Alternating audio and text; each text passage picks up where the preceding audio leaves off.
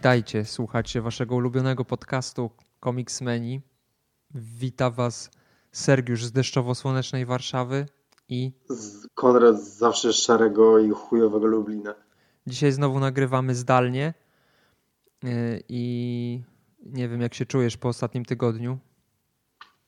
To jest e, bardzo naładowane pytanie. Nie chcesz, żebym teraz zaczął odpowiadać na nie. Konrad dzisiaj jest nie w humorku.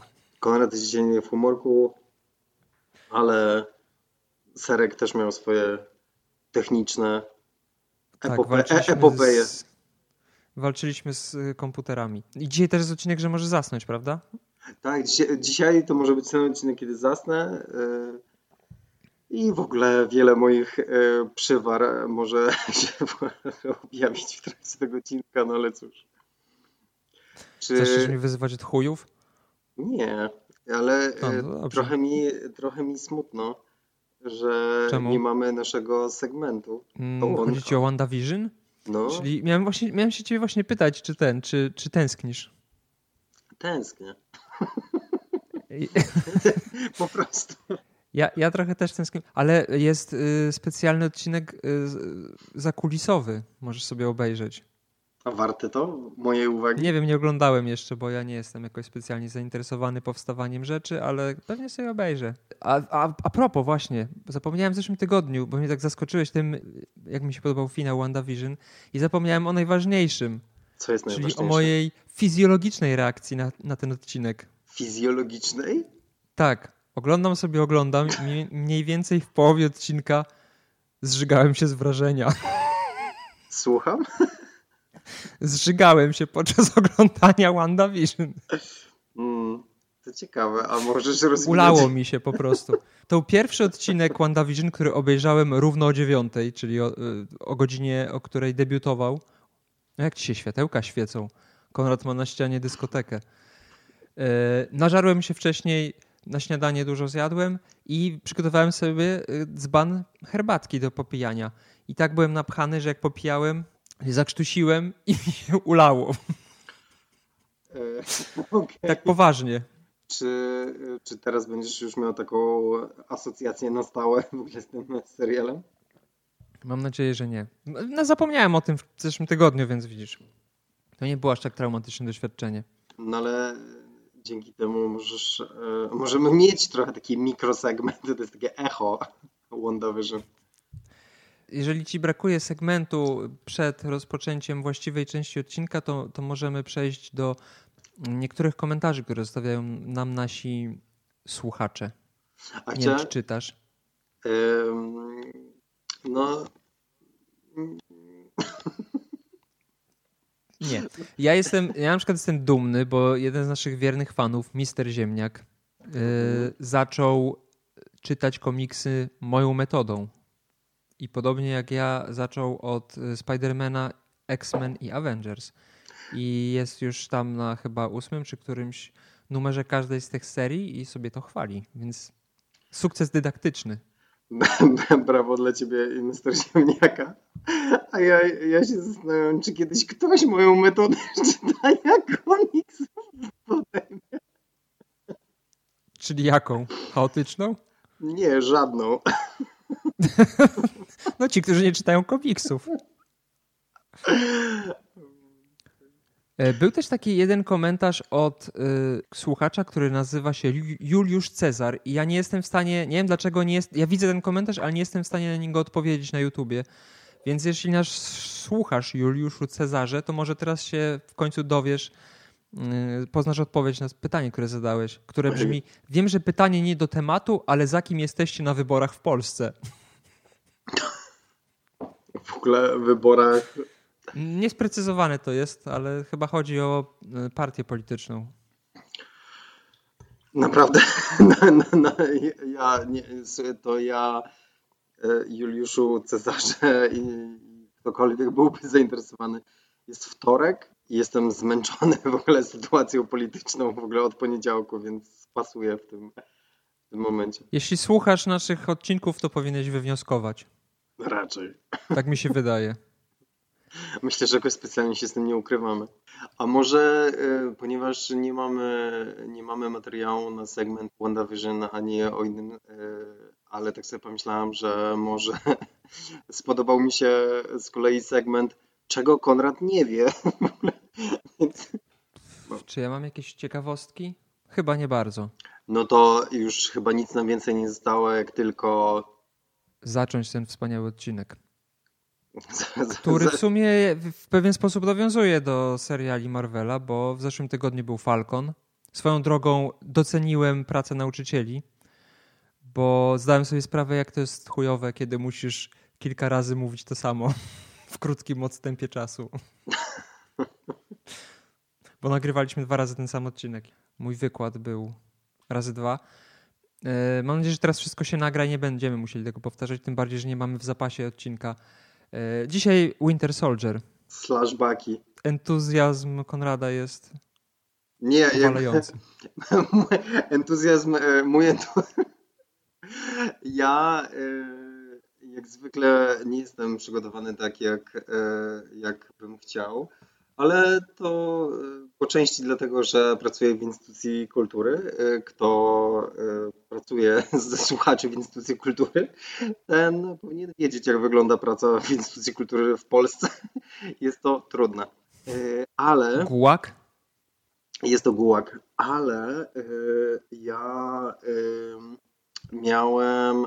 Tylko to nie będzie chronologicznie, więc żeby oddać szacunek e, tobie i panu Ziemniakowi. Panu Ziemniakowi? Mister Ziemniakowi. Misterowi Ziemniakowi. Okej. Okay. E, no to chyba powinniśmy zacząć od tego legendarnego kapitana Ameryki, tak? Tak, czyli od debiutu. Którego nie A jak w ogóle, w ogóle, wiesz, jak w ogóle nazywa się w pełni nasz bohater? Nie. No to się bardzo nie przygotowałeś. James Barnes. A, pseudonim tak. Bucky. Tak, tak. I ma jeszcze drugie imię. James Buchanan Barnes tak naprawdę, na cześć jednego z prezydentów USA. No już bardziej amerykańsko się nie da. Skoro wspomniałeś ten legendarny pierwszy numer Kapitana Ameryki, a konkretnie Captain America Comics 1, czy wiesz w którym roku zadebiutował Bucky? Bo, bo w 1941 razem z Kapitanem Ameryką w tej samej historyjce, w której poznajemy origin y, Steve'a Rogersa, na samym końcu pojawia się Bucky, który przez przypadek wchodzi do namiotu y, i odkrywa, że Steve Rogers jest kapitanem Ameryką. Brzmi trochę, co... brzmi trochę kinki. Trochę, trochę tak. To jest trochę ten klimat y, Batmana i Robina, którzy, którzy leżą razem w łóżku.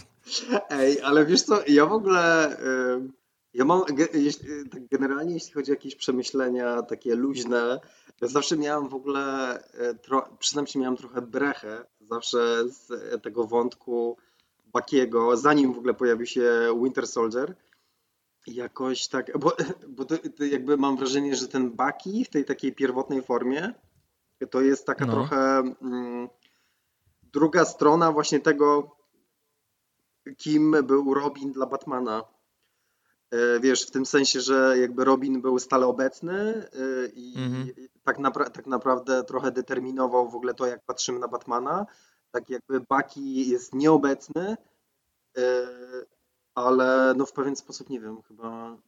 Pamiętam, że ten Kapitan Ameryka zawsze o nim gadał w ogóle.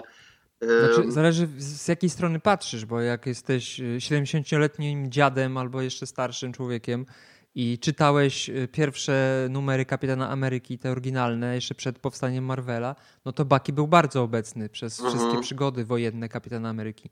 Tak mhm. naprawdę w erze Marvela dopiero był tym takim zawsze wspominanym przez Steve'a Rogersa przyjacielem sprzed lat, który zginął. I, I w sumie to trochę było takie, tak jakby był trochę w nim zakochany, przynajmniej platonicznie. Nie wiem, czy ty tak to odbierałeś. Ale Bucky zawsze, Kapitan... zawsze Steve Rogers nie, nie, zawsze Steve Rogers tak płakał po nim, jakby stracił. Tak, tak. Ja właśnie, ja zawsze miałem wrażenie, że wiesz, ja, jest ten cały e, to takie zjawisko tego bractwa tych żołnierzy i tych walczących razem w bojach i bla, mhm. bla, bla. E, ale ja miałem wrażenie, że oni jakoś tak to dziwnie piszą. Ale u Tolkiena w sumie było to samo. Tak. Który też w sumie się opierał na swoich wojennych doświadczeniach w pisaniu Władcy Pierścieni. I Frodo i sam też tak mieli troszkę taki... Aż, aż powiedziałbym do przesady. No ale wracając do chronologii i do e, naszego głównego bohatera, twórcami e, Bakiego byli Joe Simon, czyli człowiek, który też stworzył Kapitan Amerykę oczywiście i Jack Kirby. Mhm.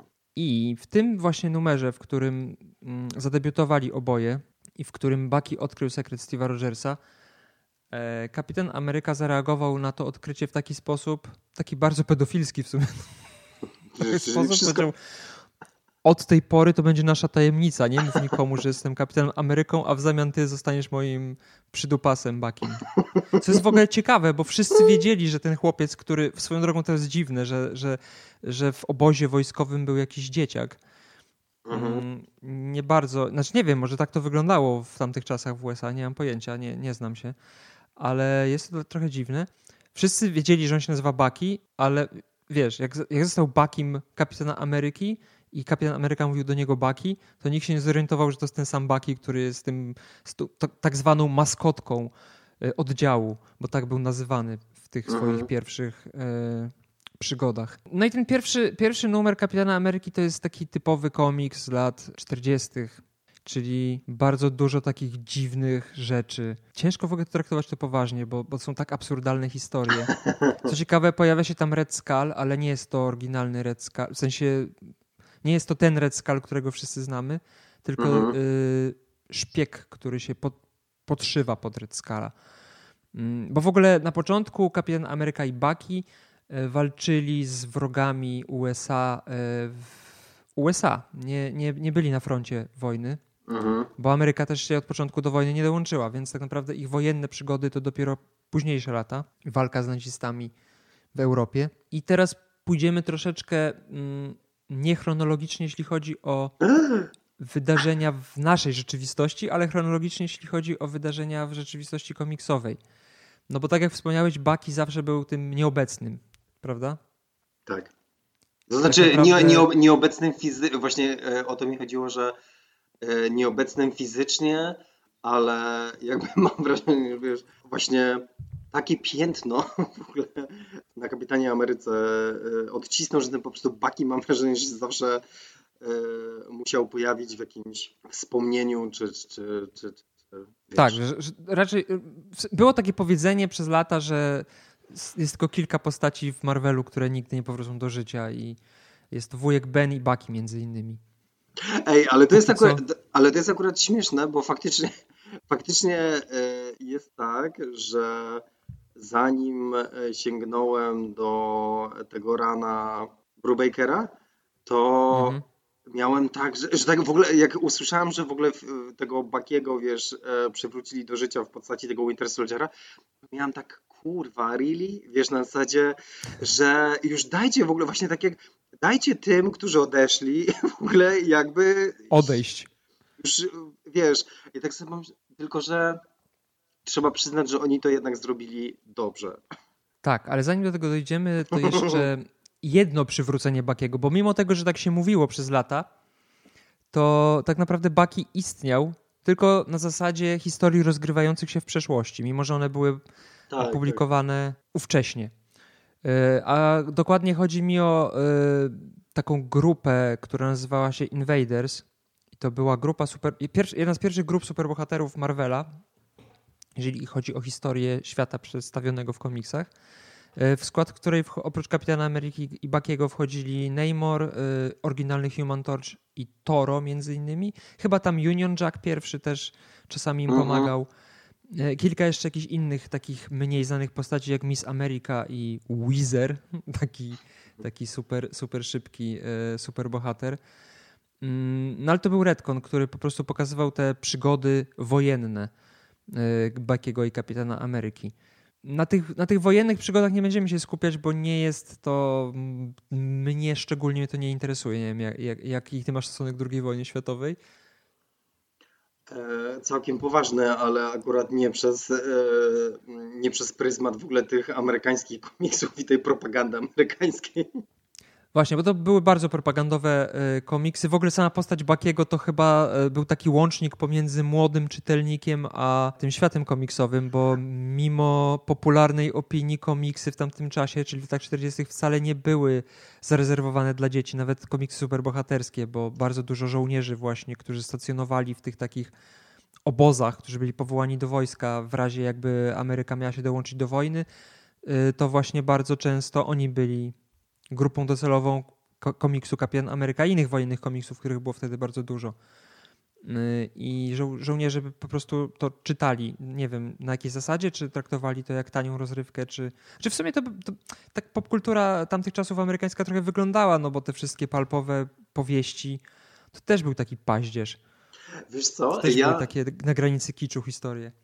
Ale to jest właśnie mega ciekawe, bo mm, jak wiesz, jak się nie ma, jak się nie ma tego inside knowledge, które sobie ty zbudowałeś, e, poprzez czytanie w ogóle, wiesz, chronologicznie tych historii, jakby to ja pamiętam, jak zacząłem czytać komiksy, jakby coraz więcej, wiesz, e, coraz więcej zdobywałem informacji na ten temat, też tej takiej jakby naukowej analizy, to pamiętam, że kiedy wiesz, odkryłem, że te komiksy miały w ogóle właśnie taki ten, e, ten wątek propagandowy, e, był właściwie wiodącym w ogóle w tych wcześ, wczesnych latach komiksów, w ogóle właśnie przy tym Kapitanie Ameryce, czy nawet wiesz, nawet pamiętam, była taka obrzydliwa okładka Supermana, e, gdzie on tam mówi dać policzek e, Chińczykowi czy tam Japończykowi, to w ogóle super sprawa. Japońcowi pewnie. E, to w ogóle, wiesz, super sprawa czy coś tam.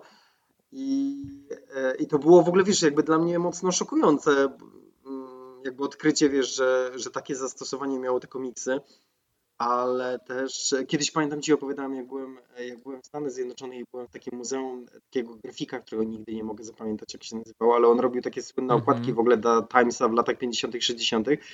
No to to w ogóle było dla mnie szokujące, bo wiesz, dla kogoś, kto pochodzi z bloku Europy Wschodniej, e, to było dla mnie wiesz, jakby oczywiste, że te wszystkie obrazy tego kolesia to jest po prostu, to są, to są po prostu grafiki propagandowe, gdzie wiesz, gdzie zamieniasz hasła typu 170% normy na amerykańskiego indyka, wiesz, i amerykańską rodzinę i jakby masz dokładnie to samo. E, więc jakby wiesz, łącząc, łącząc te rzeczy jeszcze w ogóle z tymi wczesnymi komiksami, e, gdzie, gdzie ta propaganda była w ogóle jakby żywa i właściwie to była taka główna, fun- główna funkcja, mam właściwie e, takie poczucie w ogóle tych komiksów, no to, to zupełnie inaczej jednak się zaczynam myśleć w ogóle o takiej historycznej spuściźnie komiksów. Tym bardziej, że właśnie dzieci były w tą propagandę wciągane właśnie przez taką postać jak Bucky czy Toro, który był miniaturową wersją Human Torcha. E, bo właśnie o tym też nie wspomnieliśmy, że oprócz Invaders Bucky należał jeszcze do dwóch innych drużyn – Jedna nazywała się All Winners Squad, a druga nazywała się Young Allies i to była taka grupa superbohaterska, która była złożona tylko z nastoletnich postaci. Więc... A akurat, e, akurat e, Young Allies to pamiętam, ja wiesz, ja znam Bakiego bardziej z tej wersji alternatywnej, kiedy było Heroes Reborn, e, mhm. i tam była ta żeńska wersja Bakiego właśnie mhm. w Young Allies I całkiem mi się w ogóle podobała ta, e, podobała ta lasencja. E, a... Ricky Barnes, o niej mówisz? Tak, tak, tak, tak, tak. Ale też miałem, wiesz, wiesz co, jakoś tak, te takie paralele w ogóle pomiędzy, wiesz, tymi postaciami typu nawet wiesz, nawet te alternatywne wersje, bo tak jak jest, tak jak jest właśnie ta żeńska wersja Bakiego i jest na przykład żeńska wersja Robina Dark Knight Returns, Mhm. W ogóle wiesz, czasami mam taki motyw, nie wiem, czy, ty, czy ciebie też to spotyka, że, że jak wiesz, jak się patrzy w ogóle na te konstrukcje w ogóle DC i Marvela i szerzej w ogóle tych pewne, wiesz, te takie rzeczy, które spływają na inne też e, te, te media typu Image i, i tak dalej, to czasami, czasami wiesz co, jak sobie pozwalam na taką refleksję, to mam wrażenie, że w ogóle te takie wszechobecne wzorce, które są w ogóle tak blisko siebie, że ja nawet, wiesz czasami aż mam ochotę zagłębić się w kwestie praw autorskich. Wiesz, jak to w ogóle, jak to w ogóle jest możliwe, że to jest tak właściwie zbieżne, a jednak może funkcjonować oddzielnie? Mm, myślę, że to jest akurat y, ciekawy temat na y, osobny odcinek, bo bardzo dużo przecież było sporów sądowych pomiędzy Marvelem mm. i DC, pomiędzy innymi firmami, bo nawet Kapitan Ameryka tak naprawdę dostał okrągłą tarczę tylko dlatego, że jakieś jedno z wydawnictw y, komiksowych, które wtedy istniały, miało bardzo podobnego y, bohatera, który miał taką tarczę w kształcie takiego herbu jakby, nie? Mhm. Więc żeby się, żeby się nie, nie użerać w sądzie, e, Simon i Kirby postanowili, że zrobią po prostu inny kształt tarczy i sprawa załatwiona. Mhm. Więc e, to wiesz, to jest chyba najgłośniejszą sytuacją tego typu jest Shazam i Kapitan Marvel. Ej, ale wiesz co, przypomina mi się, był, był kiedyś w ogóle jakiś taki turboklon kapitana Ameryki, który się nazywał chyba Super Soldier. Eee, to... Mm, no to chyba jest właśnie to, o czym mówię. Czy ty, czy ty mówisz o czymś, co było później, po wojnie? Później, to było bo... chyba w czasach wojennych. Nie, nie, A, później. no to nie wiem, to, to, to, to o tym nie słyszałem. No dobra, nieważne. Baki. Nieważne, wracając do naszego e, głównego bohatera. Przygody Kapitana Ameryki i Bakiego, wojenne, a później powojenne, ukazywały się zanim powstał e, Marvel. Mm, ale kiedy Stan Lee zdecydował się przywrócić do życia Kapitana Amerykę w czwartym numerze Avengers, w którym zresztą y, zdradzono, co się stało z Kapitanem Ameryką i z Buckiem, pojawił się problem, bo właśnie w latach 50. były przygody Kapitana Ameryki, które nie ukazywały się wtedy jeszcze w świecie Marvela, bo świat Marvela nie istniał. Mhm. Więc żeby jakoś wytłumaczyć to powiązanie y, tego bohatera, który powstał przed Marvelem z czasów Timely Comics i Atlas Comics. Później, już po latach, wymyślono, że po wojnie, kiedy Kapitan Ameryka i Bucky zostali uznani, uznani za zaginionych w akcji, działali inni superbohaterowie, którzy dostali jakby ich miana, o czym mówiliśmy w odcinku o Legacy Heroes. Mhm. Więc było kilku, kilku kapitanów Ameryk i kilku Bakich, którzy ich zastępowali e, po to, żeby podtrzymać tą propagandę e, amerykańską.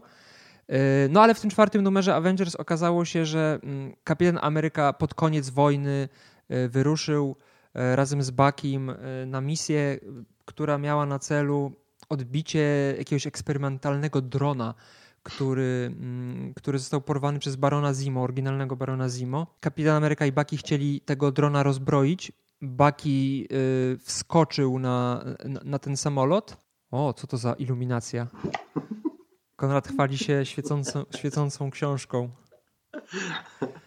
Nie sądziłem, że nie sądziłem, że zareagujesz. Baki wskoczył na ten pojazd, y, żeby rozbroić bombę, która była tam y, umieszczona, no ale okazało się, że, że nie, nie zdąży jej y, rozbroić. Baki chciał się wykazać heroizmem i chciał za wszelką cenę rozbroić tę bombę. Mimo tego, że kapitan Ameryka mówił Baki, daj sobie spokój, wskakuj do wody, nie, nie ryzykuj. Powiedział Baki, nie, nie, no nie. Baki, tak, tak. A Baki powiedział tak, tak, tak. I zginął. Dostał, dostał za swoje. Ale, dostał za swoje. Ale wiesz co, mogę, jakbym, chciałbym tylko wskoczyć tutaj na moment, bo tak sobie właśnie, wiesz co, uświadomiłem, Zapraszam. jak opisywałeś tą scenę, to um, jakby ma, masz takie, e, jakbyś miał wymienić na przykład kilka takich um, takich ikonicznych scen Wiesz, e, to na przykład sobie właśnie myślę o tym Bakim. Po prostu wiesz, mam wrażenie, że one mm. były tak reprodukowane e, w tych wszystkich historiach, pomimo tego, już ja nigdy nie czytałem w ogóle Kapitana Amerykę, ale po prostu ten obraz w ogóle tego Bakiego e, mam, to tak samo myślę sobie, że na przykład śmierć Gwen Stacy w ogóle też jest takim po prostu, wiesz, takim obrazem, który jak się, jak się czyta komiksy, to po prostu ma się w głowie. Tak, tym bardziej one są na każdym kroku przypominane, że to jest taki stały element niektórych no, historii niektórych postaci, a czasami w ogóle zaczynasz jakąś serię czytać i masz jakby streszczone te najważniejsze, y, najważniejsze momenty z życia tej postaci. Mhm. Więc ta scena faktycznie na różne sposoby została chyba ze 100 razy pokazana w komiksach Marvela yy, i nawet ktoś, kto nie czytał komiksów, tylko nie wiem, tam miał taki lekki kontakt z Kapitanem Ameryką powinien być świadomy właśnie tego, te, tego momentu, yy, wcale nie sięgając po czwarty numer Avengers, bo ona się przez te kilkadziesiąt lat pojawiała praktycznie co chwilę. Mhm. Więc w czwartym numerze Avengers Kapitan Ameryka opowiada tą historię swoim nowym kolegom z Avengers. Yy, to był właśnie moment, w którym sam wpadł do, do morza czy do oceanu i został zamrożony w bryle lodu. I przez lata Baki był uznany za martwego. Tak. Przez bardzo wiele lat tak naprawdę. Przez ile jest? Od 63 tam trzeciego chyba roku do 2005. Ej, ale e, jakby ja wiem, że dla ciebie to w ogóle nie jest nic, e, e, nic zastanawiającego, bo po prostu czytałeś te komiksy, jak czytałem tych Avengers 4, to totalnie ubawiła mnie w ogóle, wiesz, ta konfrontacja z Kapitanem Ameryką i Wasp, która chciała w ogóle ukrócić cały proceder i nagle mówi, chyba nie uderzysz dziewczyny. Myślę, Jezu. Tam było dużo takich seksistowskich rzeczy, ale zapomniałem zrobić sobie print screen nie mam w tym momencie y, przed oczami tych fragmentów, które... Ale wiesz, to jest w ogóle, jest, dla mnie to jest niesamowite, bo tak Thor, Iron Man, Giant Man nie byli w stanie poskromić Kapitana Ameryki, ale Wasp tak.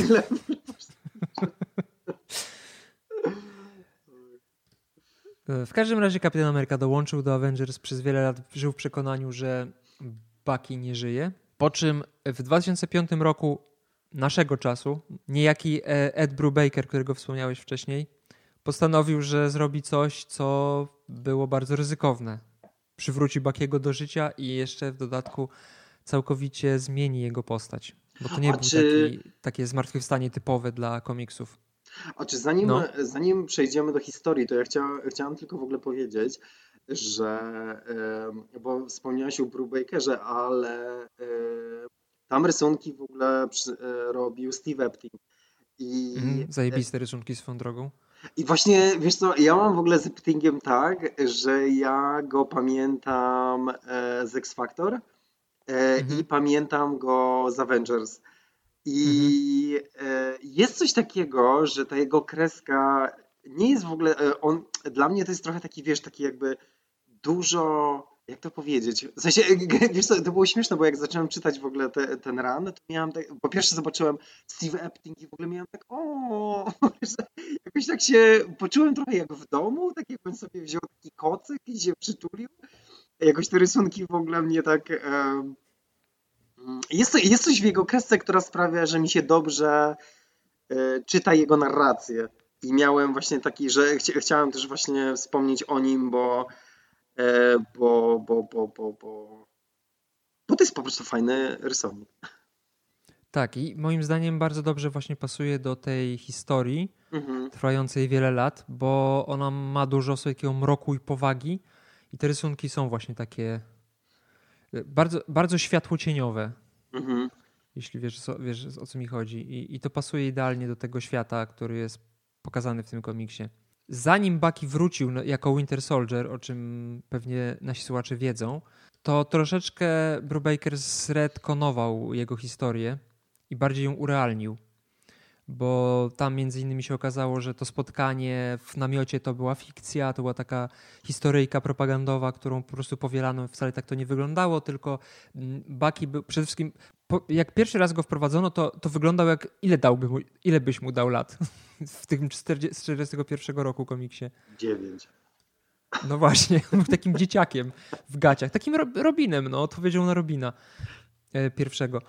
A w ranie Brubakera okazało się, że Bucky był starszy, że miał 16 lat i był wcześniej specjalnie przeszkolony jako taki Ale... szpieg, super szpieg. Wiesz co, to był w ogóle taki moment, który ja miałem. W ogóle też jeszcze wiesz co, e, chciałem w ogóle powiedzieć, że to jak w ogóle Brubaker e, i Epting, w ogóle wiesz, jak oni mm, prowadzą tą narrację, jest tam w ogóle coś takiego fajnego. Wiesz co, pamiętasz, pamiętasz pier, pierwszą część z lat 90. Mission Impossible?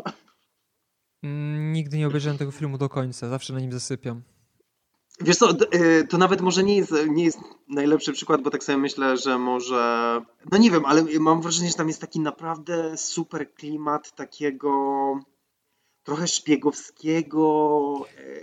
Wiem o co ci chodzi. Mi się bardziej kojarzy z tożsamością Borna. Nie wiem, czy oglądałeś mm -hmm, tą, tą mm -hmm. serię. Bo no, no, no. to był w sumie podobny okres, nie? Tak, tak, Było tak. wtedy chyba dużo takich filmów, takich właśnie szpiegowsko-sensacyjno, tak. takich takich... Tożsamość Borna to w sumie jest bardzo podobna historia do historii Bakiego, bo jest super, super szpieg, który nie wie do końca kim jest, nie pamięta mhm. swojej przeszłości. I to jest, to jest bardzo, bardzo podobnie Ale wiesz co, jest, tam, jest tam taki moment, w którym właśnie e, Brubaker, e, który, wiesz co, dla mnie to był taki moment, że tak sobie myślałem, o kurwa, w ogóle wiesz, jak e, sobie koleś poczyna w ogóle z takim trochę, wiesz, kanonem, bo jak on tam mhm. tłumaczy właśnie, że tam jest taki, taki, tam jest kilka takich paneli, gdzie e, został wprowadzony właśnie ten wątek, że Baki robił rzeczy, których Kapitan Ameryka nie mógł. Tak. E, I to jest w ogóle zajebiste, bo właśnie wątek dziecka mimo wszystko, e, które jest właściwie mordercą albo jest w ogóle tym, e, tą osobą od brudnej roboty, kiedy Kapitan Ameryka prowadzi swoje nudne monologi, które mają w ogóle zachęcać, zachęcać żołnierzy do American Lifestyle. W ogóle, ej, to było dla mnie w punkt. Wiesz, to był taki moment, kiedy sobie myślałem, ej, kupiłem w ogóle tą postać, bo wiesz, generalnie na przykład Winter Soldier w ogóle i Bucky to dla mnie było, e, zanim zacząłem czytać tą historię, to było dla mnie takie pff, naprawdę, wiesz, w ogóle nie, nie chce mi się. Ale w ogóle, wiesz, ten mały taki, ten mały motyw, który później oczywiście jest w ogóle rozwijany i w ogóle na wielu płaszczyznach w ogóle jakby się dzieje jest zdecydowanie bardziej pogłębione, ale jest tam coś takiego, co po prostu nagle sprawiło, że ta postać kliknęła dla mnie w taki brudny, okrutny sposób.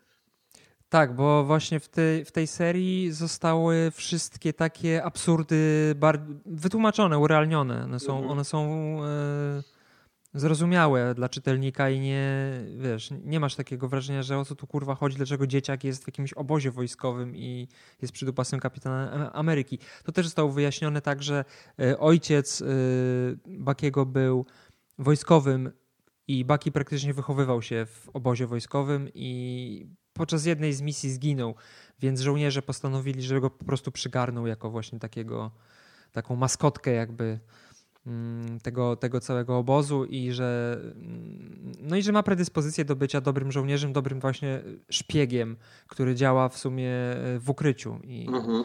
i on nie, nie, nie dość, że był snajperem, to jeszcze właśnie potrafił się gdzieś tam zaczaić w cieniu i wyeliminować wrogów od tyłu. E, jakkolwiek by to nie brzmiało. Więc e, w tym ranie Kapitan Ameryka, w ogóle ca, cały, ca, cały ten ran Brubakera, z, z, jednej strony rozumiem, kiedy ludzie mówią, że to jest jeden z lepszych ranów Kapitana Ameryki, w ogóle mhm. okresów w historii Kapitana Ameryki. Z drugiej strony dla mnie to zbyt mroczne. Ja nie lubię aż tak mrocznych komiksów. Ja wolę jednak, jednak jak jest ta e, doza tych, tych absurdalnych kostiumów i dziwnych postaci. Ej, Więc... ale, ale wiesz co, no ale jest na przykład taki motyw w ogóle, który mnie...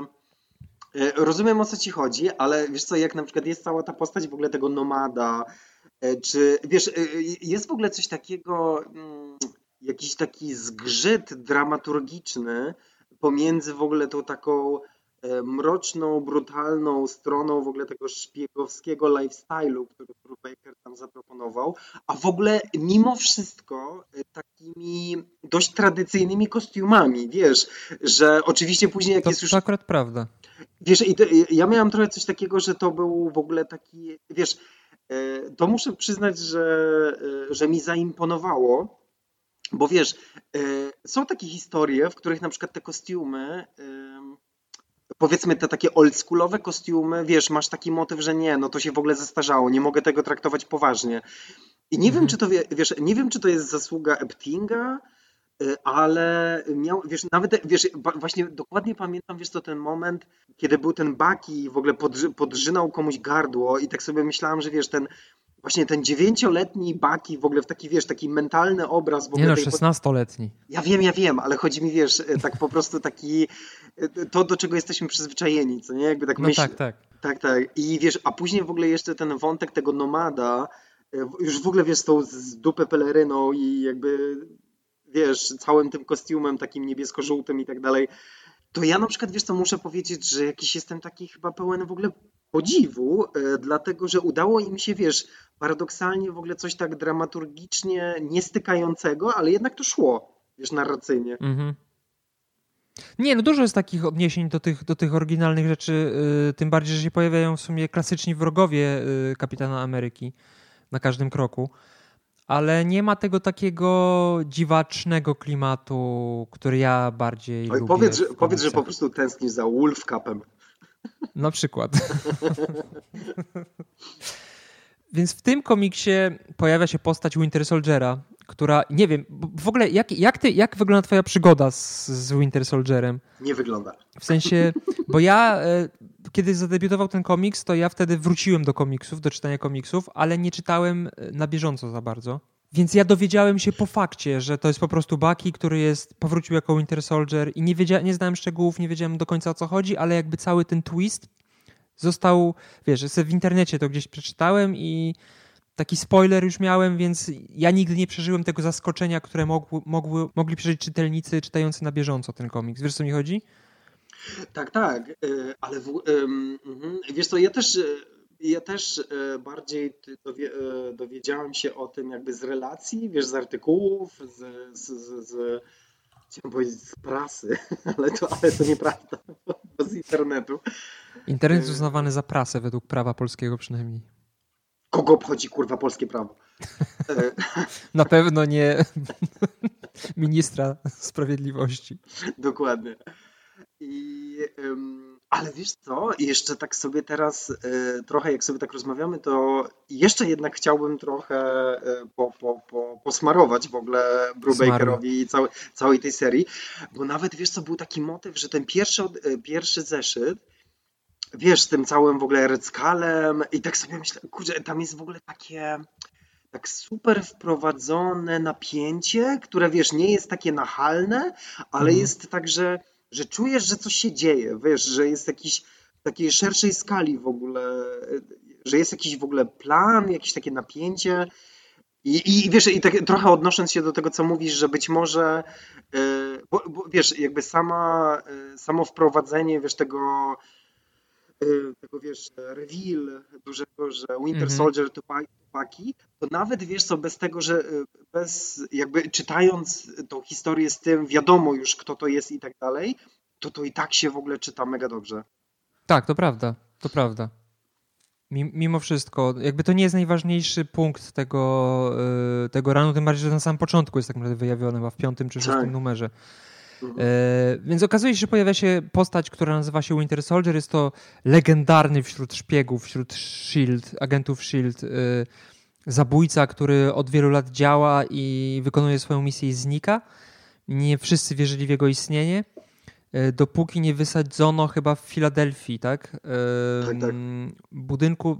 Red Skull dokonał zamachu mm, i to przyciągnęło uwagę kapitana Ameryki, który skonfrontował się z Winter Soldierem Mhm. Wtedy jakby zostało potwierdzone, że on rzeczywiście istnieje i ktoś taki jest. Z czasem okazało się, że to jest właśnie Baki. Ale tak, też, wiesz co, e, jeszcze, jeszcze raz muszę e, tutaj w ogóle zwrócić uwagę, że e, jak oni w ogóle to sobie. Ja wiem, że to są proste zabiegi, ale wiesz, sam fakt, że, że Baki porwał Sharon Carter, mhm. E, wiesz, i kapitan Ameryka jakby się pojawia tam, żeby ją uratować i nagle okazuje się, że w ogóle wiesz, w sensie to jest super proste, ale bardzo tak wiesz, e, dobrze skonstruowane. Tak, cały czas działa, mimo tego, że ten komiks ma już 10 lat, nie? Więcej, mm -hmm, 15, mm -hmm. 16 prawie. E, więc kapitan Ameryka właśnie podczas tej misji, o której mówisz, ratunkowej, Sharon Carter, która była ówczesną jego dziewczyną, staje oko w oko z, z Winter Soldierem i rozpoznaje w nim Bakiego. Okazuje się, że tak naprawdę Baki nie zginął, tylko podczas y, tej, tej misji z tym dronem ręka mu się zaklinowała, nie był w stanie odskoczyć y, do wody i podczas wybuchu tego drona urwało mu rękę, on wpadł do wody i traf chciał, że akurat niedaleko przepływała y, sowiecka łódź podwodna, która wyłowiła jego pokiereszowane ciało, e, zaczęto robić na nim eksperymenty. Mm, nie wiem, czy podano mu e, formułę jakąś super żołnierza wtedy, czy nie? Bo mm, zdaje mi się, że Baki ma jakieś, jakieś takie podwyższone te wszystkie czynniki fizyczne za pomocą jakiejś chemii. Mhm.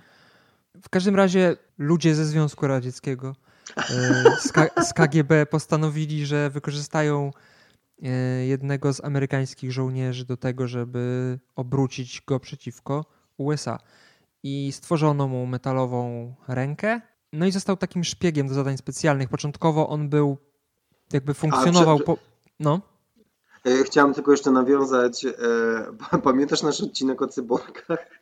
Pamiętam. Kiedy, kiedy zwróciłeś uwagę na to, że większość tych postaci z elementem jakimś mecha, techniki, w ogóle przeważnie mają zastąpione kończyny. Tak. no to jakby e, Winter Soldier w ogóle jakby wpisuje się w ogóle w ten. Tak, to jest, to jest kontynuacja nie tylko poprzedniego odcinka, ale też jeszcze wcześniejszego odcinka, po trochu, ten okay. odcinek dzisiejszy. E, więc zastąpiono mu tą rękę i początkowo on wykonywał te misje na zasadzie takiej jak wszyscy agenci, czyli po prostu po wykonaniu misji wracał do bazy i, i sobie po prostu funkcjonował, ale wymykał się spod kontroli, więc postanowiono, że będzie poważne pranko mózgu. Bo wcześniej już przeszedł, przeszedł, przeszedł taki proces, ale e, no jakby skrócono smycz, na której mieli Bakiego i usypiano go po prostu pomiędzy misjami, więc on dlatego znikał całkowicie, bo po prostu został, był wybudzany tylko w momencie, kiedy e, KGB chciało kogoś wyeliminować, kto e, zagrażał Związkowi Radzieckiemu. No i po tym, jak Kapitan Ameryka dowiedział się, że Bucky to Winter Soldier, czy nabrał takich podejrzeń, popadł trochę w taką obsesję, żeby tego Buckiego uratować, bo wierzył, że wciąż Ale... tam gdzieś jest prawdziwy James Barnes, no. Ale wiesz co, tam w ogóle też mi się, mi się podobało w ogóle e, w tym ranie, że już właściwie od samego początku ten Kapitan Ameryka miał taką zwichrzoną psychikę, trochę tam coś, wiesz, normalnie jako ten taki e, zawsze zharmonizowany, wiesz, lider w ogóle i zawodnik, e, oczywiście pomijając jakieś tam epizody, to jakoś... E... Konradowi właśnie wypadł mikrofon. E, rozemocjonowałem. E, ale jakoś też, też w ogóle wiesz, ten e, normalnie Kapitan Ameryka mnie generalnie raczej nie interesuje w ogóle jako postać, a tu nawet jakoś tak trochę w ogóle z nim sympatyzowałem i w ogóle jakoś tak dobrze ta postać była poprowadzona. No, trzeba brać pod uwagę, że to było tuż po rozpadzie Avengers to raz, a mhm. dwa to właśnie się wpisuje w, ten, w, to, w tą próbę urealnienia tych wszystkich bohaterów, tym, którzy występują w tym komiksie i Kapitan Ameryka też jakby został potraktowany tak bardziej jak człowiek, co nie? On tam wprost mówi, że on jako ten super bohater, który jest większość swojego życia spędził w bryle lodu, że on nie potrafi się odnaleźć w rzeczywistości, więc on nawet nie, nie, nie potrafi normalnie funkcjonować, tak jak inni superbohaterowie, którzy mają życia prywatne. On, on przecież mhm. w jakiejś opuszczonej fabryce miał dom, który w ogóle był zakamuflowany, żeby nikt tam nie... Dobra, dobra, za taki lofcik w Nowym Jorku to jakby też bym sobie mógł tam pomieszkać. Nie no, to jest inna kwestia. E, tak czy siak, kapitanowi Ameryce udało się mm, znaleźć Bakiego, który pracował wówczas dla Red Scala, e, bo Red Skull w ogóle wykupił dostęp do Bakiego, który leżał w magazynie po upadku e, Związku Radzieckiego, po to, żeby wcielić w, w życie swój szalony plan przejęcia USA. Mm, I Red Skull odtworzył w tym czasie Cosmic Cube.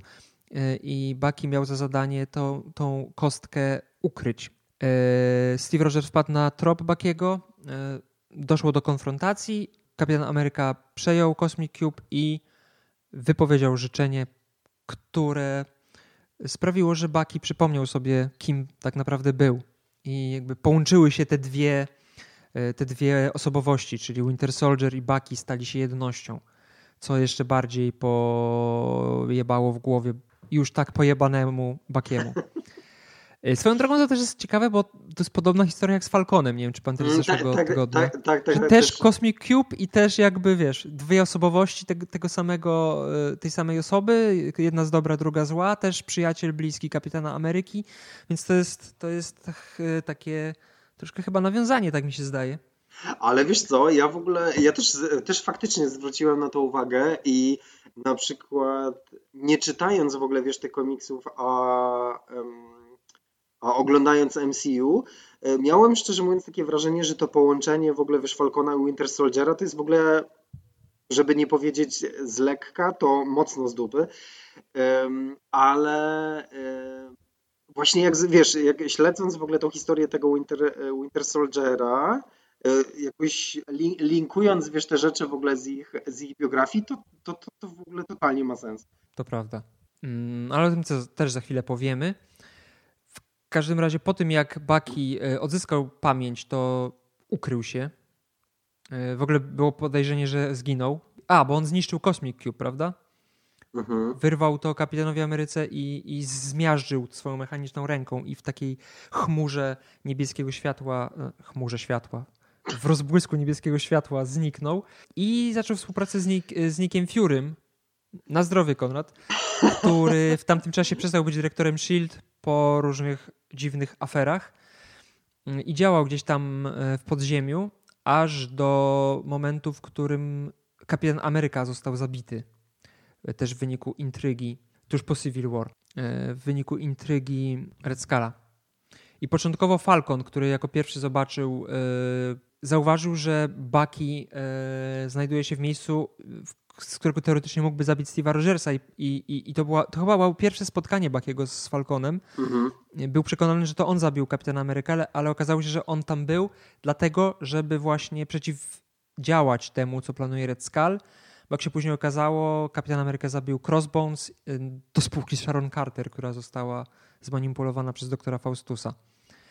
Y, no i kiedy zginął Kapitan Ameryka, Bucky postanowił zemścić się i zabić człowieka, który był jego zdaniem odpowiedzialny za śmierć kapitana Ameryki, Ameryki czyli Tonego Starka, bo Bucky, Bucky jakby zwalił całą winę na śmierć kapitana Ameryki na, na Ironmana przez to, że wcześniej wszystko, co się działo wcześniej, czyli Civil War doprowadziło do tego, że kapitan Ameryka miał stanąć przed e, sądem mhm. i to właśnie przed, mhm. przed wejściem do tego sądu został za, zamordowany. W tym samym czasie mm, też odżył jego romans z Black Widow, z którą e, podczas szkolenia e, w KGB e, się związał na krótki czas, bo mm, Black Widow została przez Tonego Starka, który w tym momencie został dyrektorem SHIELD, oddelegowana do ukrycia tarczy Kapitana Ameryki po jego śmierci, a Bucky postanowił tą tarczę odbić. E, więc e, spotkał się ponownie po latach z Black Widow, przejął tarczę, no i z czasem został nowym kapitanem Ameryką, bo kapitan Ameryka zostawił testament, w którym poprosił Tonego Starka, żeby ocalił Bakiego i żeby przekazał dalej swoje e, miano, znaczy miano, miano kapitana Ameryki. No i Tony Stark uznał, że najlepszym sposobem na wypełnienie ostatniej woli Steve'a Rogersa będzie przekazanie miana kapitana Ameryki Bakiemu, który był typem z, z naprawdę porytą banią, e, seryjnym e, mordercą i chyba nie jest zbyt odpowiednią osobą na to stanowisko, moim zdaniem. Ja myślę, że jak tak przyjrzeć się historii Stanów Zjednoczonych, to myślę, że jest to idealna osoba w ogóle do piastowania tej roli. W ogóle ten run Brubakera ma w sobie coś trochę z runu Spencera, o którym mówiliśmy tydzień temu tego, tego Falcona, mm -hmm, bo też się pojawia dużo tak. takich odniesień polityki. One nie są tak oczywiste i tak jawne jak tam, ale też się pojawia dużo, dużo e, próby przynajmniej krytyki Ameryki. Ale i... też, jest tak, też jest taka... Mm taka powiedziałbym, myślę, że jednak mniej niż u Spencera, ale jednak jakaś taka, taki kontekst powiedzmy geopolityczny, wiesz, tak, tak. Tam się, tam jakoś e, mocno determinuje w ogóle charakter tej serii. I y, z racji tego, że to było w 2000, od 2005 do 2009 e, publikowane, to tutaj dużą rolę pełniły y, wiadomości w telewizji. Wysłałem ci właśnie fragment z małym easter eggiem, e, fragment komiksu. Który pokazuje właśnie newsy. Co tam jest? E, Dr. Jack Shepard, The Lost Are Found. bardzo dobry. Bo to był też okres, w którym Lost był bardzo popularnym serialem. Wracając do, do, do e, Bakiego. Został tym kapitanem Ameryką, ale to był taki kapitan Ameryka działający nie do końca legalnie, bo Tony Stark udawał, że, że, że nie wie w ogóle o istnieniu nowego kapitana Ameryki. No i mm, zaprojektował nowy kostium Bakiemu, który miał w sobie jakieś takie wzmocnienia, które pozwalały przyjąć przykład postrzał z broni e, palnej albo jakieś wybuchy przeżyć. Co ciekawe, Baki nosił pistolet i nóż. Mhm. Więc był takim bardziej komando Kapitanem Ameryką, o wiele bardziej brutalnym. Trochę jak masz... E, US Agent. US Agent, ale też e, on wiesz to wizualnie ja jakoś, jakoś go tak trochę konotuję jako taką chudszą wersją Cable'a. Hmm, mi się tak nie kojarzy, ale ale niech ci będzie. Przecież nie musisz się kurwa ze mną zgadzać i tak dzisiaj za dużo się ze mną zgadzasz. Tak mówisz, jakbyśmy się nigdy nie zgadzali. A nie, ale dzisiaj to tylko w ogóle, nie, nie wiem czy zauważyłeś w ogóle, ale dzisiaj to tak, tak, tak, tak. Nie zauważyłem. Jako kapitan Ameryka Bucky połączył siły z Falconem, który, tak jak mówiliśmy w poprzednim odcinku, troszkę go pilnował, żeby nie przegiął pały, bo Bucky jednak ma tendencję do bycia agresywnym. E, I współpracował ściśle też z Black Widow, nie tylko z racji tego, że byli parą, bo ich e, związek jakby na dobre się odnowił. No był to długi run, w którym pojawiało się bardzo dużo różnych wątków. Tylko, że ja mam wrażenie, że troszeczkę wtórny, mimo tych, yy, tych pochwał. Masz, teraz będzie trochę, trochę negatywnych emocji. Bo tam w kółko się pojawiało to samo, że cały czas się pojawiał jakiś żołnierz KGB, y, który był na wzór Bakiego i z którym mhm. Baki musiał walczyć. Albo nagle pojawił się Baron Zimo, który postanowił się zemścić, robiąc przy okazji psychoterapię Bakiemu. Albo ktoś porwał Sharon Carter, a jak nie Sharon Carter, to Black Widow i trzeba było ją odbić. I tam ciągle jakby się pojawiały te same wątki. Mhm. Y, I, i to, to jest taki największy minus moim zdaniem tego ranu y, Brubakera. Nie wiem, nie wiem, czy ty miałeś podobnie? Y, zgadzam się.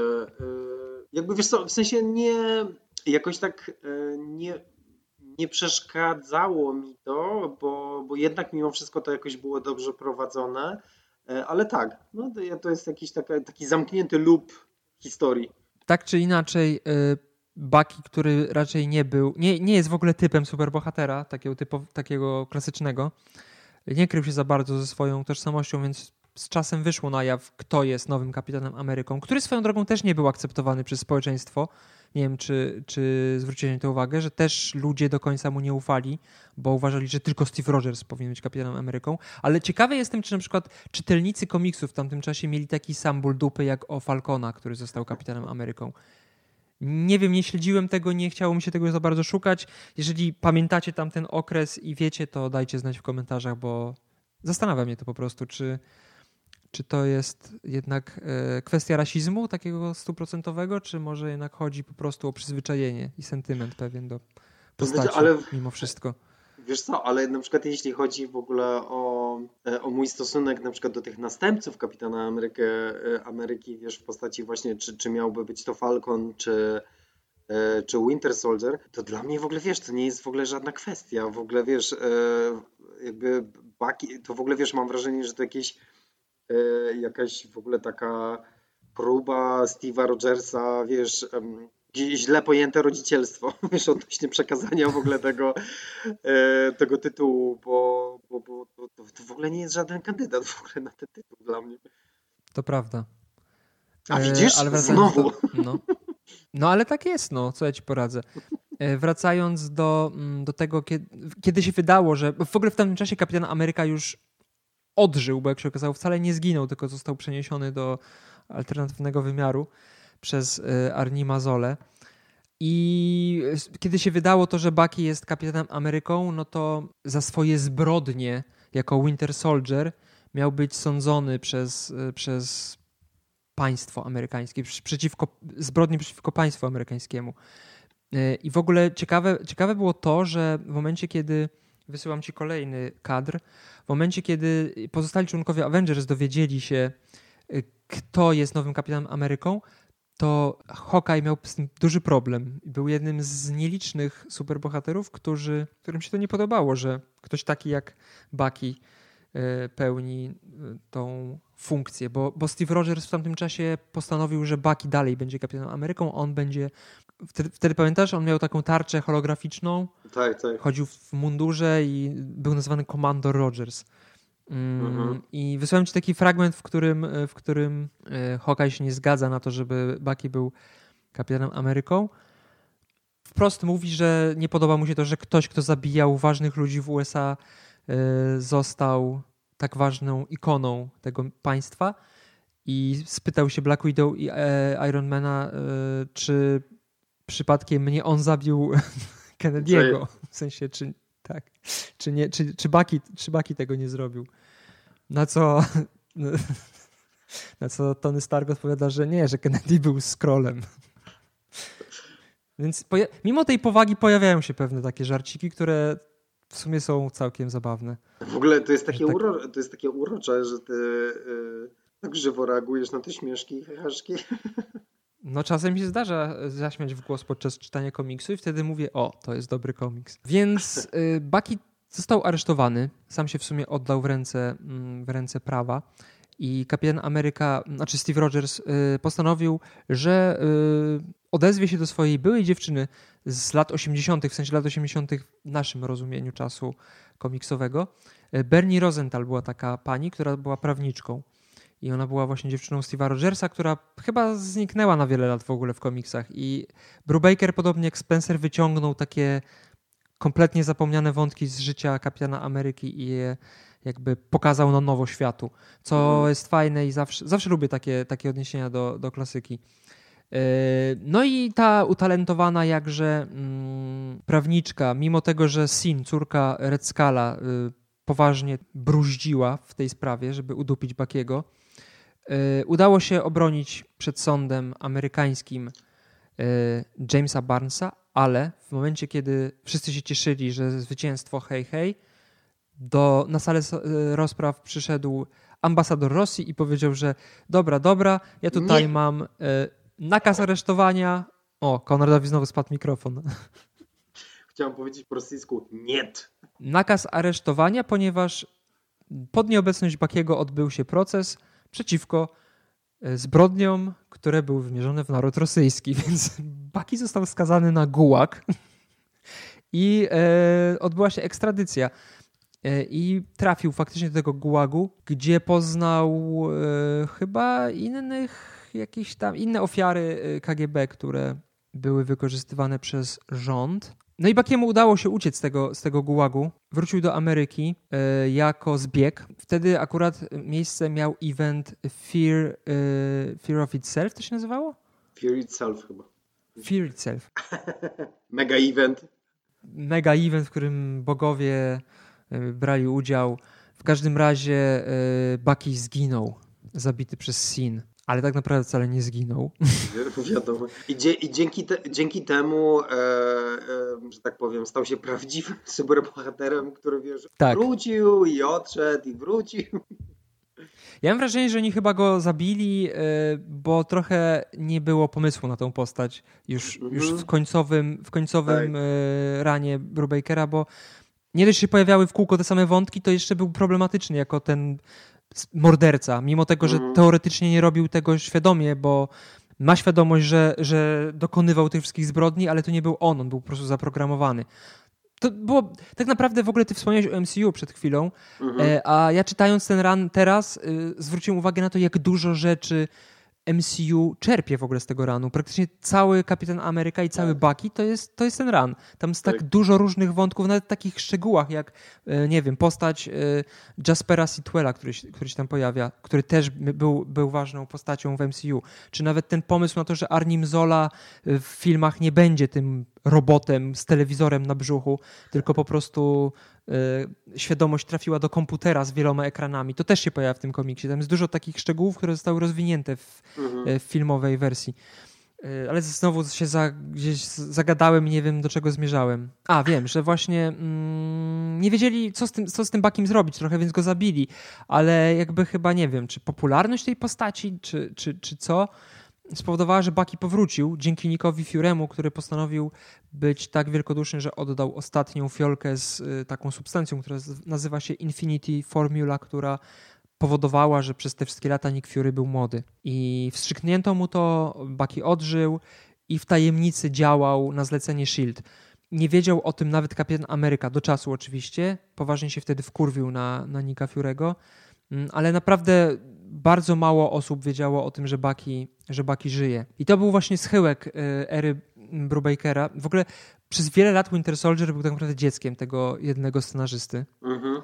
bo on głównie odpowiadał za jego różne przygody, bo, bo, bo, bo to nie tylko mm, nie tylko jego przygody pojawiały się w Kapitanie Ameryce, ale też dostał pierwszą y, miniserię, miał też one shot, w tym czasie, więc było, było, kilka takich, y, było kilka takich rzeczy, które Brubaker jednocześnie pisał nad, y, z Bakiem w roli głównej. I w, tym, w tej właśnie solowej serii Winter Soldiera, w której działał wraz z Black Widow. Chyba pod w ostatnie cztery numery przejął inny scenarzysta. Mm, nie pamiętam, kto to był. Niestety też nie pomogę. Mm, no dobra, nie jest to ważne. Bucky miał tam różne przygody z, z Black Widow i najważniejszą jest najważniejszym wątkiem jest to, że w pewnym momencie Black Widow w, z powodu różnych machinacji wrogów Bakiego sprzed lat, z czasów jeszcze zimnej wojny, Black Widow straciła w ogóle wszelkie wspomnienia związane z y, ich związkiem i w ogóle nie, jakby wiedziała, kim jest Winter Soldier, ale nie pamiętała, że kiedykolwiek byli parą i że łączyło ich jakiekolwiek uczucie, uczucie. Więc y, to poważnie y, przybiło Bakiego, który ponownie pojawił się mm, w kolejnym evencie nazywającym się y, Original Sin, zaczynającym się od tego, że ktoś zabił Watchera i zabrał jego oczy. No i okazało się, że tym kimś był Nick Fury, który przez lata w tajemnicy przed wszystkimi pełnił funkcję, mm, która nazywa się Man on the Wall mhm. i bronił Ziemi przed różnymi, mm, różnymi zagrożeniami z kosmosu albo z innych wymiarów. I stwierdził, że, y, że czas jego dobiega końca, bo w pewnym momencie zaczął się gwałtownie starzeć i trzeba wybrać następcę swojego którym został Baki. Więc Baki przez jakiś czas był kosmicznym strażnikiem Ziemi. A to jakoś w ogóle też mam, jakoś tak mam, e, wiesz co, mam takie wrażenie, że te wszystkie w ogóle e, upgrade'y e, czy, czy tytuły, które w ogóle Baki w ogóle dostał tak. Ja nie wiem w ogóle, dlaczego, czy ta postać w ogóle de, facto w ogóle zasługuje w ogóle na te wszystkie. Wiesz. No właśnie, to jest też właśnie ciekawe, bo właśnie to, czym mówiliśmy wcześniej, że nie miano, nie, nie miano, tak się mówi, nie było na niego pomysłu, Mhm. Więc postanowili go ukryć z innej strony. I w 2011 roku powstała kolejna y, miniseria solowa. Nie, to chyba, nie wiem, czy to można nazwać miniserią. 11 zeszytów to jest miniseria, czy, czy seria, która po prostu się skończyła po 11 zeszytach? Nieważne. Nie, se, Solowa seria. Poczekaj, poczekaj, poczekaj. Myślę, że maxi, maxi seria to jest y, zaplanowana seria na powiedzmy około 8-12 zeszytów. Ja tak to rozumiem.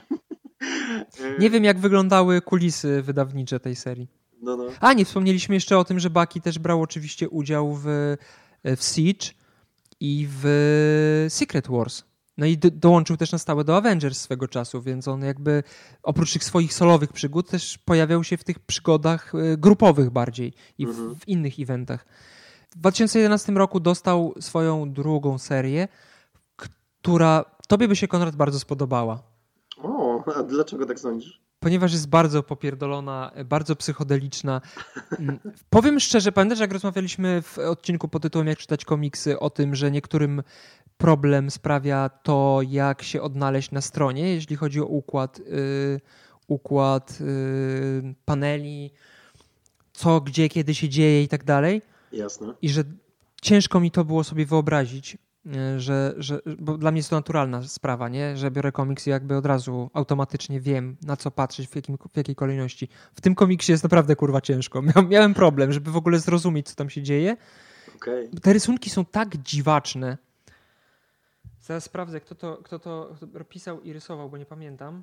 Ale na przykład porównując to do stopnia zabałaganienia w rysunkach Chrisa Bachalo nie, nie, to zupełnie inny styl rysowania. O, Bucky Barnes The Winter Soldier, tak się nazywał ten y, komiks. I został stworzony przez Ale Scott, mhm. a rysunki y, robił głównie Marco Rudi. Y, nie wiem, czy kojarzysz tego rysownika. Zobacz sobie. To jest, tak naprawdę to nie są rysunki, to są, to są praktycznie obrazy. I to mhm. takie obrazy po narkotykach. To, w ogóle ten komiks, jak, jak, go czytałem, to miałem wrażenie, że czytam Dave, Davida Lyncha, po mm. LSD. Bo y, było tam tak dużo różnych dziwnych, naprawdę z dupy rzeczy. Mm, tylko brakowało tego, wiesz, u Lyncha wszystko zawsze jest czarno-białe, a tutaj było bardzo dużo jaskrawych kolorów. I to jest tak, tak psychodeliczny komiks, że dawno czegoś takiego w mainstreamie e, nie widziałem. A ja nie jestem raczej przyzwyczajony do tych wszystkich eksperymentalnych komiksów. Mhm. Prawdopodobnie z tego powodu miałem, e, miałem e, problemy. Wyślę ci próbkę żebyś wiedział o co mi chodzi, albo nawet kilka próbek. To nie są typowe rysunki dla komiksu superbohaterskiego, na pewno nie dla komiksów Marvela.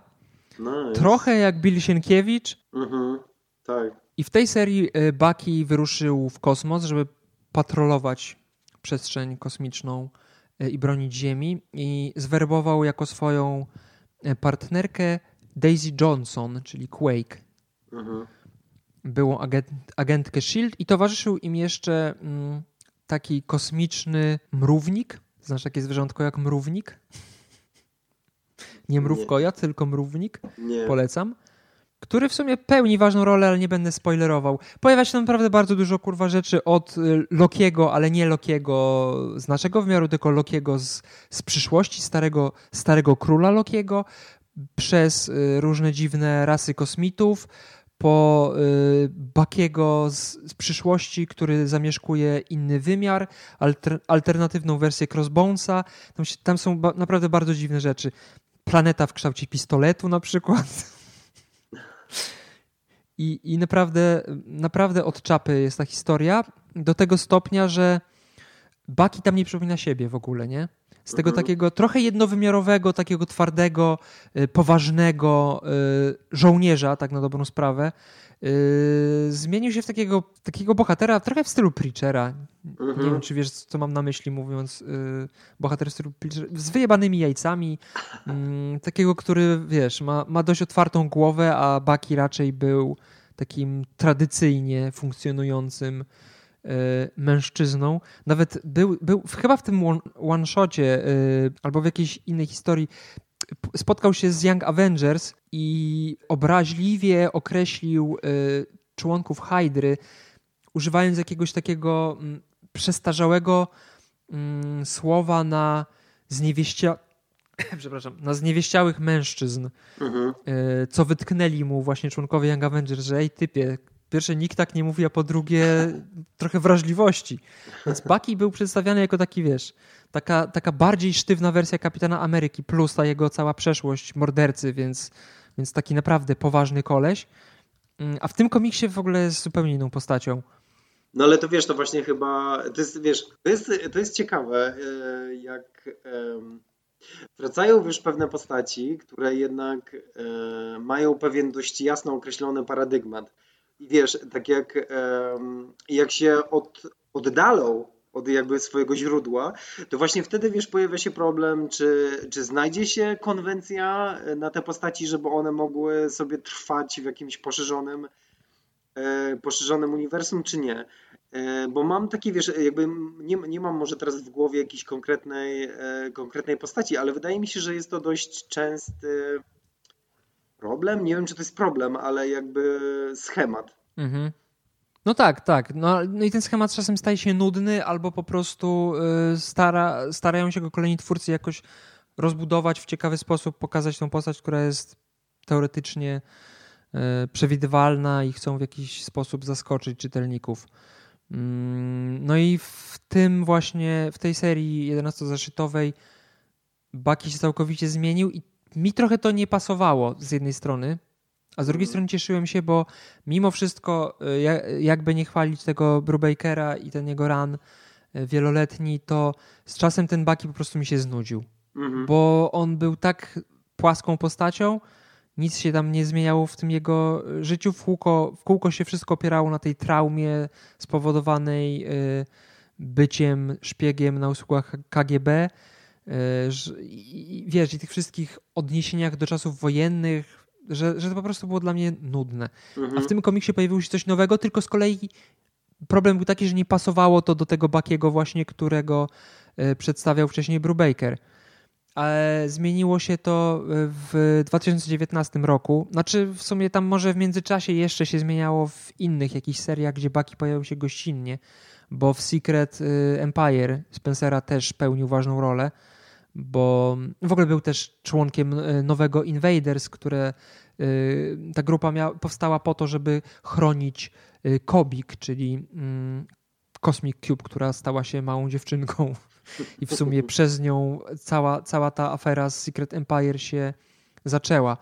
W 2019 roku Winter Soldier dostał tym razem bez wątpliwości miniserię pięciozeszytową, w której to był złoty środek pomiędzy tym przedstawieniem Brubakera i tym odrealnionym e, przedstawieniem od czapy z, e, z, tego, z tego kosmicznego ranu e, z 2011 roku, który swoją drogą polecam wszystkim, bo to jest naprawdę fajna rzecz i mhm. ciekawa rzecz.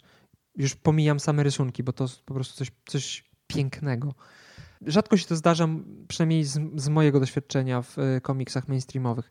I w 2019 roku mm, Rod Race i Alan Fine e, dostali pod swoje skrzydełka Winter Soldiera i stworzyli taką krótką, ale całkiem fajną historię, w której Bucky przeprowadza się do swojej rodzinnej Indiany. On chyba w Indianie się urodził.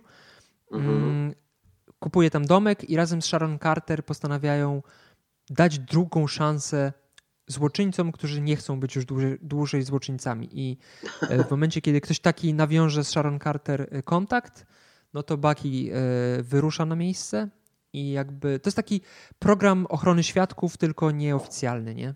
Że Bucky zapewnia im nowe życie i odcina ich całkowicie od na przykład Hydry albo od jakiejś mafii albo jakichś innych organizacji przestępczych. No i podczas tych swoich przygód poznaje chłopca, który nazywa się RJ i który jest kopią Bakiego mm, i został stworzony po to, żeby Bakiego zabić. Jest członkiem Hydry, no ale Baki w, w tej historii yy, przeszedł troszeczkę metamorfozę, bo nie jest już tak agresywny i impulsywny jak do tej pory. Nie jest też taki cyniczny jak do tej pory. Yy, I wychodzi z założenia, że każdy zasługuje na drugą szansę. Więc on z tym chłopcu widzi siebie i postanawia go e, jakby wyleczyć z tych traum, których doświadczył w Hydrze. I to bez, I to bez doświadczenia psychoanalitycznego. No właśnie, tu jest też ciekawy wątek, bo w końcu ktoś Bakiego wysłał do, do psychiatry. Doc Samson się pojawił. O, Samson, mój, ulu, mój ulubiony! Tak. Superbohaterski psycholog, psychiatra, w sumie nie pamiętam kim on, jak, jaka jest jego specjalizacja, ale zajmuje się Nie, Uniwersalna. Y, I w tym ranie okazało się, że Baki y, właśnie stosuje się do, nie dość, że, że, że odbywa terapię, to jeszcze stosuje się do poleceń Samsona i na przykład y, wykonuje to, co, co tobie się powinno znowu spodobać, medytację, żeby się uspokoić. Co trochę mu pomaga, chociaż nie do końca, bo nadal nawiedzają go wizje z przeszłości, ale E, jakby jest takim zupełnie nowym bakiem e, miłosiernym, który potrafi dostrzec w, w złych osobach dobro.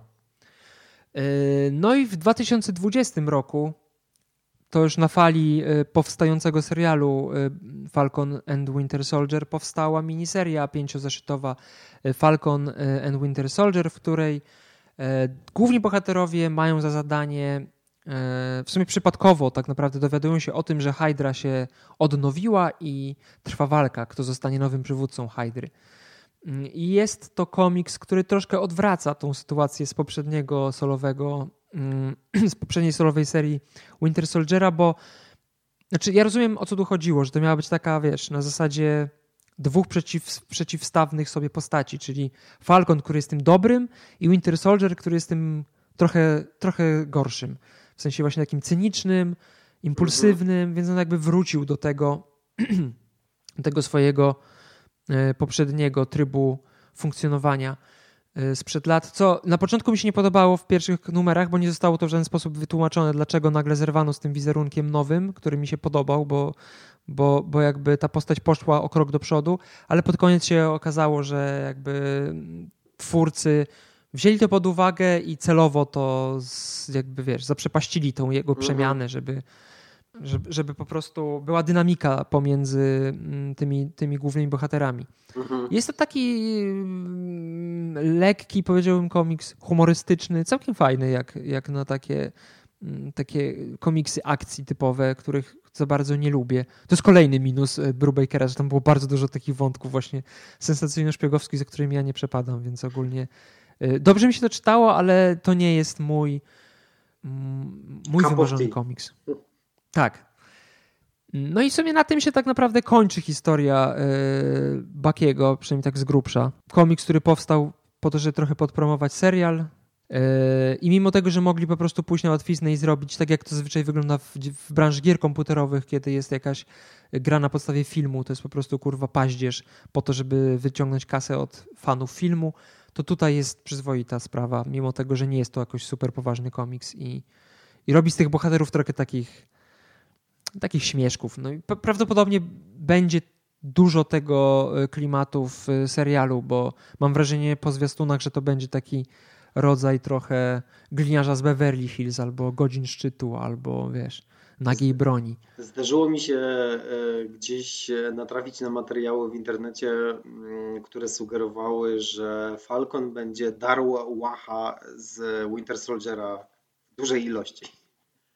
No tak, tym bardziej, że Antony Maki jest takim podśmiechujkiem prywatnie, przynajmniej podczas wywiadów, szczególnie jak właśnie z Sebastianem Stanem mają wywiady, to często się dogryzają, więc myślę, że, że może być całkiem zabawnie, że, będzie, że tym razem będzie śmiesznie, mimo tego, że też tego typu seriale nie są e, w kręgu moich zainteresowań. Na przykład ja doceniam film Winter Soldier, w sensie drugą część Kapitana Ameryki, ale to jest dla mnie zbyt poważne, zbyt właśnie sensacyjne i przez to nudne. I, i trochę się tego Falcona Winter Soldiera bałem, w sensie wiesz, że, że, że się znudzę tym serialem, ale nie wiem, zobaczymy. W sumie nie wiem, czy to jest, e, czy to powi... nie, nie pamiętam, czy mamy to uzgodnione. No. E, ale rozumiem, że my oglądamy Winter Soldiera i Falcona. No oczywiście, że tak. A, okay. oczywiście, że tak. Więc szyk, szykuj się na piątek, bo, bo wiesz, premiera. Popcorn e, mam już gotowy.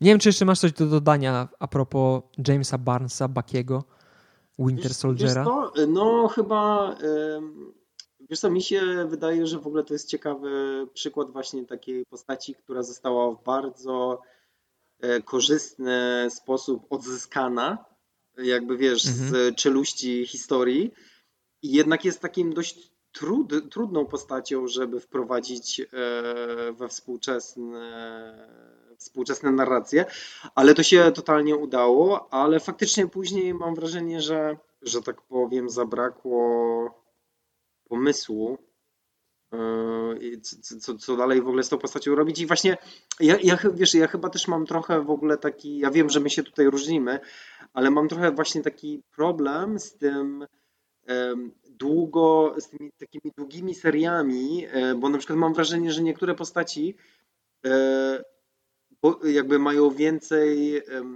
jakby bardziej mocniej rezonują, kiedy ich e, jakby skompaktować w ogóle ich historię, wiesz. A nie, a nie tak na siłę, wiesz, wpisywać je, odświeżać i mam, mam na przykład takie poczucie w ogóle trochę z tym Winter Soldierem w komiksach, Wiesz, bo mam wrażenie, że w MCU on się w ogóle jakoś tak lepiej wpisuje w całość niż w komiksach.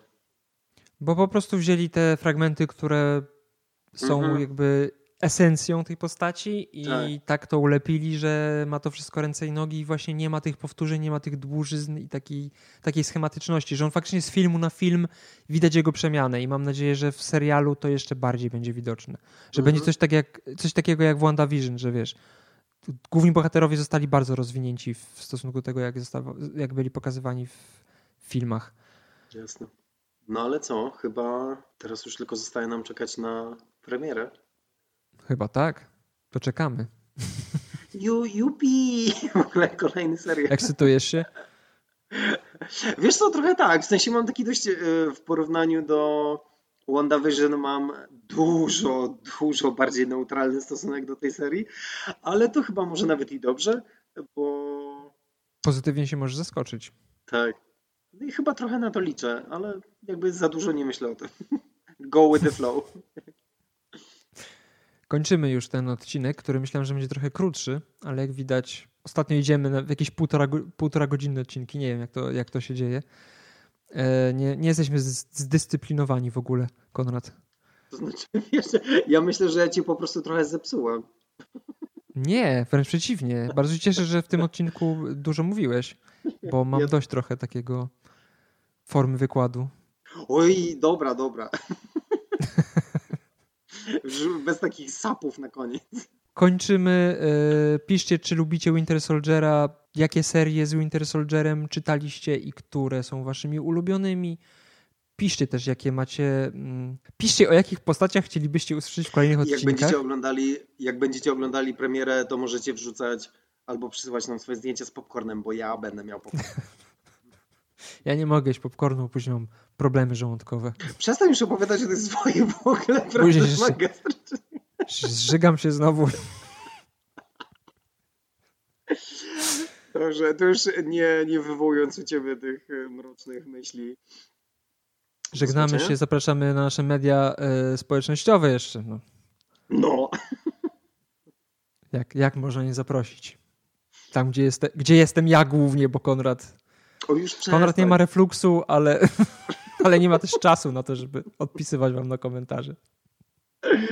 No ale na szczęście jest Serek. Na szczęście jestem ja. Jak ten man on the wall zawsze na straży. To jest, to jest słuchajcie, to jest człowiek, instytucja, fundament w ogóle tego wszystkiego. Jakby lepiej się, lepiej się Oś, nie przestań, da. bo się, bo się czerwienie. Dobra, A jak dobra. wiemy, w, te, w tej dwójce to ty jesteś od czerwonej mordy. Co za ham! Dobra, ja definitywnie na razie w ogóle pa! Cześć, papa. No już nie obrażaj.